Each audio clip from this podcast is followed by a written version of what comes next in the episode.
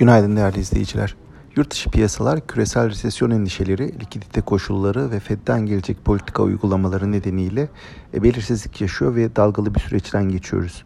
Salı günkü ser satışların ardından dün yurt dışı tarafta bir miktar tepki alımları geldi ve toparlanma eğilimi ön plana çıktı. Borsa İstanbul'da da dün e, nispeten iyi bir gündü. Toparlanma özellikle havacılık ve perakende hisselerine gelen alımlarla e, devam etti. Ve bu alımlar BIST 100 endeksini %1.6 yukarı taşıdı.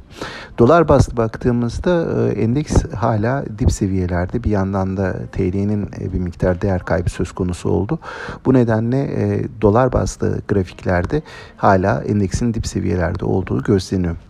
Geçtiğimiz günlerdeki satışların ardından bayram tatili öncesi e, piyasaların bir miktar yurt dışı bağımlılığının yurt dışı e, duyarlılığının artacağını düşünüyoruz.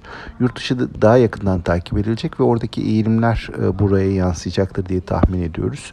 Güne yurt dışı taraf temkinli alımlarla başladı. Buna paralel olarak pistinde güne hafif yükselişle başlayacağını öngörüyoruz. Aktaracaklarım bunlar. Sağlıklı, bol ve bereketli kazançlı günler dilerim. Yeniden görüşmek üzere.